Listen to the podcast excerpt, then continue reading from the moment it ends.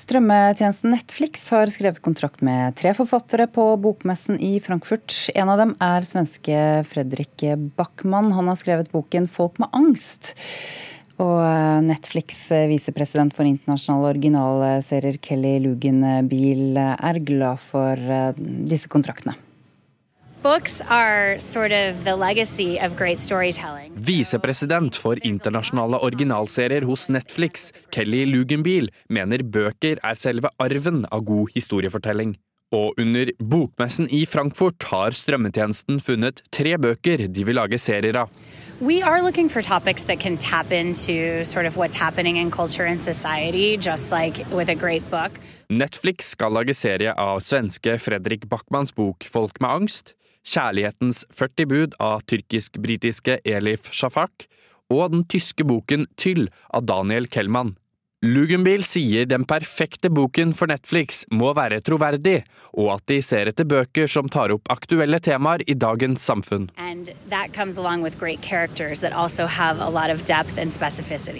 Så det kan jo være å finne den neste Handmaid's Tale, da kanskje?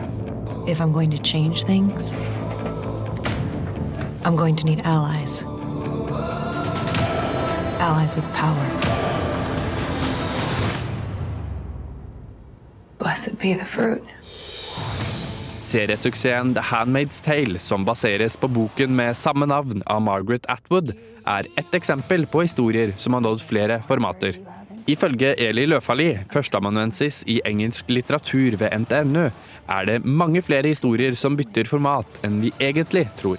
Men noe av det som er nytt nå, er kanskje hvor raskt det her skjer, og hvor tydelig det samspillet mellom bøker og film og serier er. Og I tillegg så kommer det vel kanskje òg det at eh, TV-serien har blitt en så viktig sjanger. Du har mye mer plass å bruke, du kan, eh, slik at romanen passer bedre inn, i stedet for å måtte kutte ned massevis for å få det til å passe på en og en halv time på film. Så har du mange timer underholdning og kunst tilgjengelig som du kan utforske i mange episoder.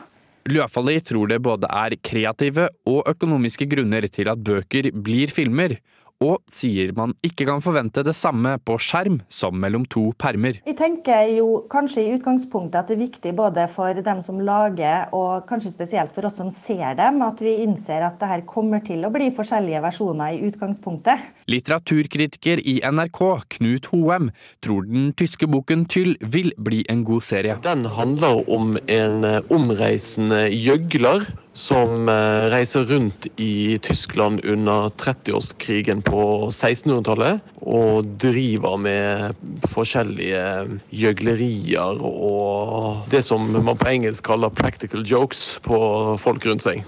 Vi er jo glad i eh, den type historiske eh, dramaer, som er de rette skuespillerne. Så tror jeg dette kan bli riktig bra.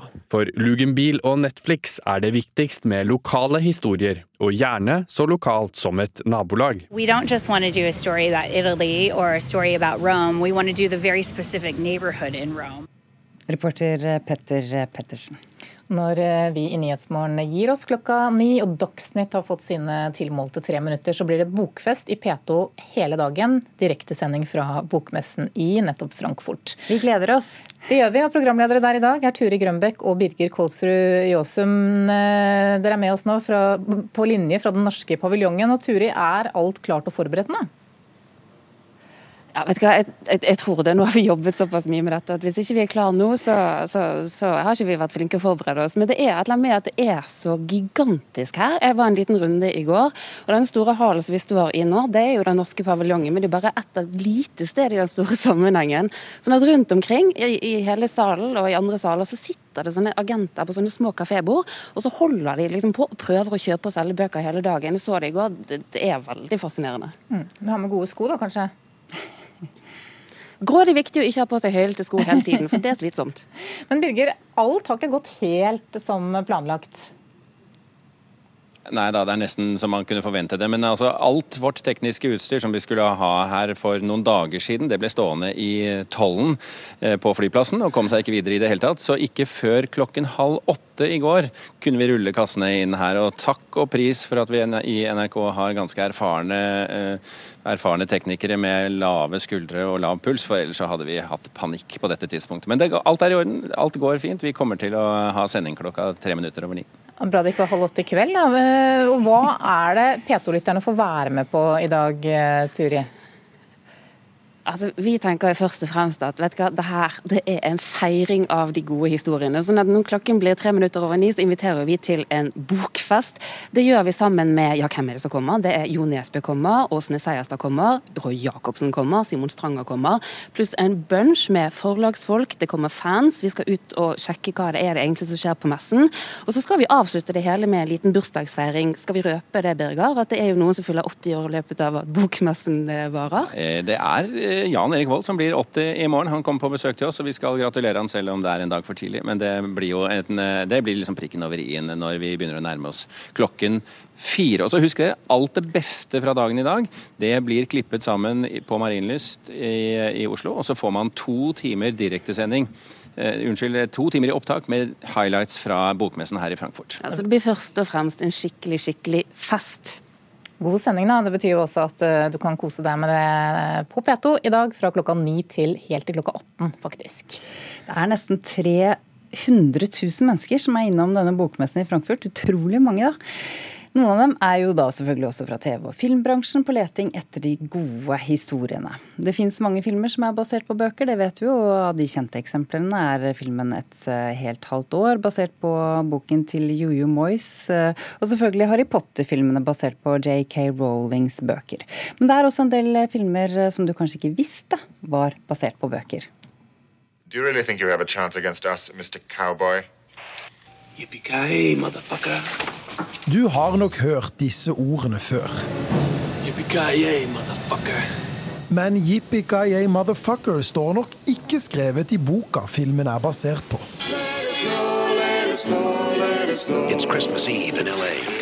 Utover det er filmen Die Hard med Bruce Willis fra 1998 i grove trekk basert på en bok fra 1979. Til og med en del av actionscenene fra den kjente filmen er hentet direkte fra boka 'Nothing Lasts Forever', som faktisk er en oppfølgerbok. Den første boken, 'The Detective', hadde faktisk Frank Sinatra i hovedrollen. Fly me to. Ryktene går på at Sinatra alltid skulle få tilbud om å spille hovedrollen hvis man skulle lage en oppfølgerfilm, og at han derfor fikk tilbud om å spille i Die Hard.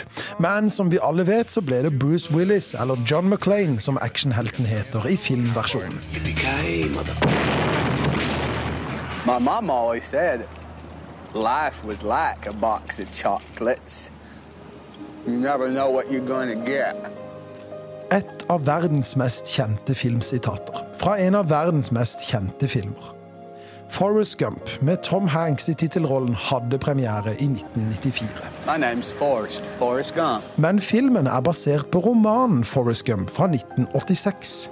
En ganske lang bok, såpass lang at filmen kun tar for seg deler av den.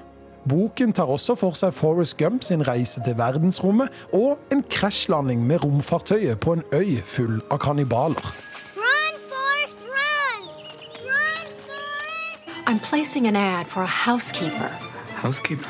Madame Doubtfire heter boken, eller alias Madame Doubtfire i noen land. Og dette er selvfølgelig lyden av det som ble filmen. Euphigenia Doubtfire. Komedien Miss Doubtfire med avdøde Robin Williams om faren som kler seg ut som passepiken for å komme nærmere barna sine, er en klassiker. Og den er faktisk veldig lik boken. Den eneste store hovedforskjellen mellom boken og filmen er at barna i filmen ikke forstår at det er faren som har kledd seg ut, før mot slutten av filmen. I boken forstår de det nesten med en gang de ser ham med parykk og nettingstrømper. Creme fraiche, powdered sugar, vanilla, and a little touch of alum. Going to Harvard is the only way I'm going to get the love of my life back. Dette er lyden av Reece Witherspoon i filmen 'Lovlig blond', om jenta Elwood som begynner på Harvard for å få tilbake ekskjæresten. Der møter hun som blondine en del utfordringer.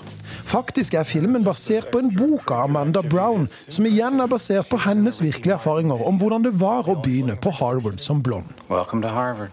Og når vi snakker om film og bok, så er Reece Witherspoon en person som er verdt å legge merke til.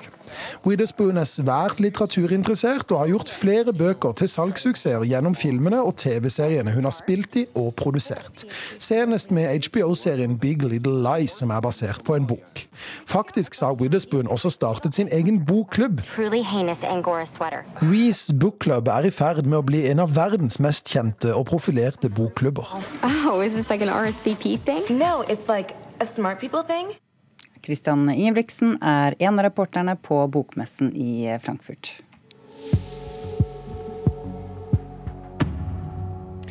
Komiker Truls Svendsens første soloshow fra æ til å hadde nypremiere på Latter i Oslo i går kveld. Showet har allerede gått sin seiersgang i Nord-Norge og skal gå i Oslo frem til neste høst, før det så tar turen til Vestlandet. Og humoranmelder her i NRK, Espen Borge, god morgen. Takk, i like måte. Du må minne oss på hvem er Truls Svendsen? Ja, Truls Svendsen er jo um, kanskje hele Norges uh, kosegutt nummer én. Uh, har han jo profilert seg som de siste 15 årene i hvert fall. Han er en uh, meget smørblid nordlending med litt sånn selvironiske tendenser gjennom hele karrieren. Hva slags show er dette her? Showet er um, det, skal, det, lover et tilbakeblikk på hans 15 år lange karriere som godgutt. Og um, har en slags ja, kronologisk eh, gjennomgang av det han har gjort de siste 15 årene. Eh, det skal være, eh, antar jeg, et slags revyshow, men det har ikke egentlig den jeg vil si at det starter som en revy, og så sklir litt ut i et slags varieté-show. Hvor vi får litt standup, litt dans og litt sang. Og det funker med vekslende hell, vil jeg si. Men er det morsomt? Ja, det er veldig morsomt. Det er veldig morsomt når Truls Svendsen uh, forteller vitser. Når han uh, leverer standup, så er han i god form, vil jeg si. Dans er det vel egentlig uh, Jeg er litt mett på det personlig, at han skal danse så veldig. Litt umotivert sånn salsa midt i en god historie for ungdommen er litt Jeg vet ikke om det er um, fremtiden for Truls Svendsen. Kanskje det tilhører fortiden mer. Jeg begynner å bli litt mett av at han danser salsa litt sånn uvørent og rart fordi han er litt overvektig. Men det er jo ikke alle som har fått med seg den salsadansingen? Altså det... Nei, det er heldigvis ikke det. Så for eh, store deler av publikum der, så var jo det selvfølgelig midt i blinken, det. Eh, jeg syns han funker best når han i, mellom dansenumrene forteller historier fra sin eh, virkelighet og sitt liv. Så den oppsummeringen han har av livet sitt, kommer best igjennom når han snakker fremfor å danse. Det er klart Han har jo en eller annen eh, Det er vanskelig å ikke bli sjarmert når han eh, danser også, men jeg føler ikke at man kan leve så lenge på det. Jeg føler at det er kanskje på tide med litt fornying, også for Truls Svendsen, som danser. Hvem er målgruppen her, da? Målgruppen tror jeg nok er eh, 40 50, eh, og de var godt til stede i går på Latter. De hadde eh, møtte Mannsterkt opp. og hadde vel kanskje sitt, eh, best, sin beste kveld hittil i år. Eh, virker det som. Han hadde publikum virkelig i sin hule hånd. Altså, det, noe, det er ikke noe tvil om at eh, han kjenner målgruppen seg veldig godt. Truls Svendsen. Selv i dansenumrene og i sangnumrene, som for øvrig vil jeg bare si vil understreke at Truls Svendsen synger jo egentlig litt for godt til å kunne ironisere over det på den måten. I hvert fall så har det blitt sånn. Det føles som han har fått en eller annen sangcoach som har gått litt for langt. Altså nå er det ikke morsomt, det er bare bra. Og det føles ikke helt riktig. Når man skal, altså Den dansingen er jo fortsatt ganske uvøren, men uh, sangen den har blitt litt for bra, tror jeg. Men Er dette her et show uh, vi bør få med oss? Ja, jeg vil si det er et uh, show som fansen til Truls Svendsen bør få med seg. De som ikke um, er så begeistret for selvironisk dans, kan sikkert styre sin begeistring også her. Men fansen fra Senkvelddagene og Truls gjør ting han ikke kan, de tror jeg treffer, det tror jeg han treffer ganske godt. Vi driver jo ikke så mye med terningkast her i, i P2, men hvis du skal våge deg frampå? Ja, da har jeg lyst til å gi terningkast fire. Jeg syns han funker overraskende godt som standup-komiker. Det er ikke noe jeg har sett så mye av Truls Svendsen gjøre før. Sett han mest i TV. Um, og i, i, de settingene hvor han gjør ting han ikke kan. Og dette er jo ting han kan. Det er et veldig gjennomarbeida show med gode standup-partier og veldig god timing og veldig god levering på vitsene. Mens det er nok nok med dans og sang nå. Så jeg trekker litt for det. Humoranmelder Espen Borge, takk for at du var med her i Nyhetsmorgen.